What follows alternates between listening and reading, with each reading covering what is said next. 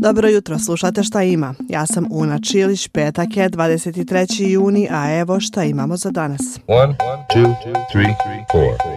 Razvojna agencija Republike Srpske organizuje u Istočnom Sarajevu izbor najboljih poslovnih ideja u okviru akcelator programa koji se održavao zadnja dva mjeseca. Namjenjen početnicima u poslovanju pa je tako osam kandidata prošlo intenzivni edukativno-savjetodavni program podrške. Iz agencije kažu da su kandidati dobili sva znanja potrebna za poslovni uspjeh kao i savjetodavnu podršku za realizaciju njihove poslovne ideje. A najbolje ideje dobit će i nagrade.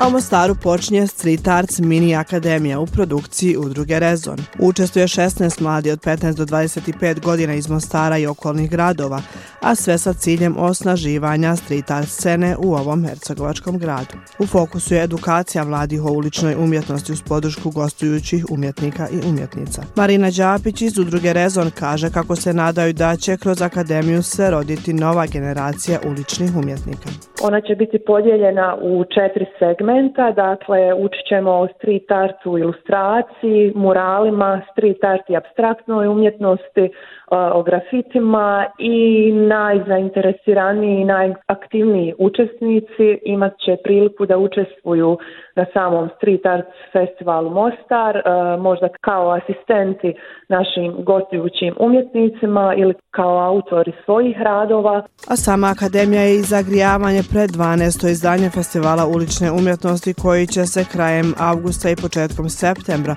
održati u Mostaru uz 20 umjetnika iz cijelog svijeta i preko 10 događaja. Počinje i Bihačko ljeto, odnosno 25. festival scenskih umjetnosti. Biće otvoren koncertom Aleksandre Radovića sve do 9. jula Bišćani i oni koji se nađu u posjeti ovom gradu imaće priliku da posjete brojne druge koncerte, ali i predstave i izložbe. Između ostalog biće izvedena predstava Čudo pozorišta iz Zagreba, zatim predstava preko brojna Ferzeng teatra Beograd, predstave za djecu, ali i humoristična predstava priče i pjesme autora Zorana Kesića. A za sve vas koji volite automobile, informacija koja će vas obradovati. Međunarodni oldtimer Cabrio skup sa više od 40 auta od 10 sati će imati defile kroz Sarajevo, a potom će do podneva biti svojevrsna izložba na Baščarši. Posjetioci će vidjeti redka vozila stara i po više od stotinu godina, čija je ukupna vrijednost više miliona eura. Učesnici dolaze iz više zemalja srednje i jugoistočne Evrope, a sve ih je okupio talijan Enrico Sforza, zaljubljenik u oldtimere koji će također biti prisutan danas. Ruta ovog već četvrtog oldtimer Cabrio skupa nakon Sarajeva je Neon pa onda Dubrovnik. One, two, three, Još samo par stvari ukratko. Danas u Sarajevu počinje festival fotografije, a tokom vikenda posjetiocima će biti dostupne brojne radionice, izložbe, paneli sa fotografima, kao i promocija knjige.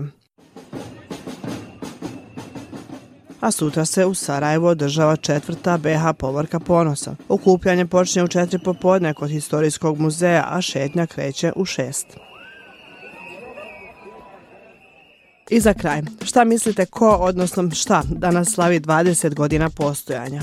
Pa prije 20 godina Apple je svijetu predstavio svoj pretraživač Safari ili, kako su tada rekli, najbolji browser na bilo kojoj platformi. Eto, to je sve od mene za danas. Čujemo se neki drugi put. Ćao!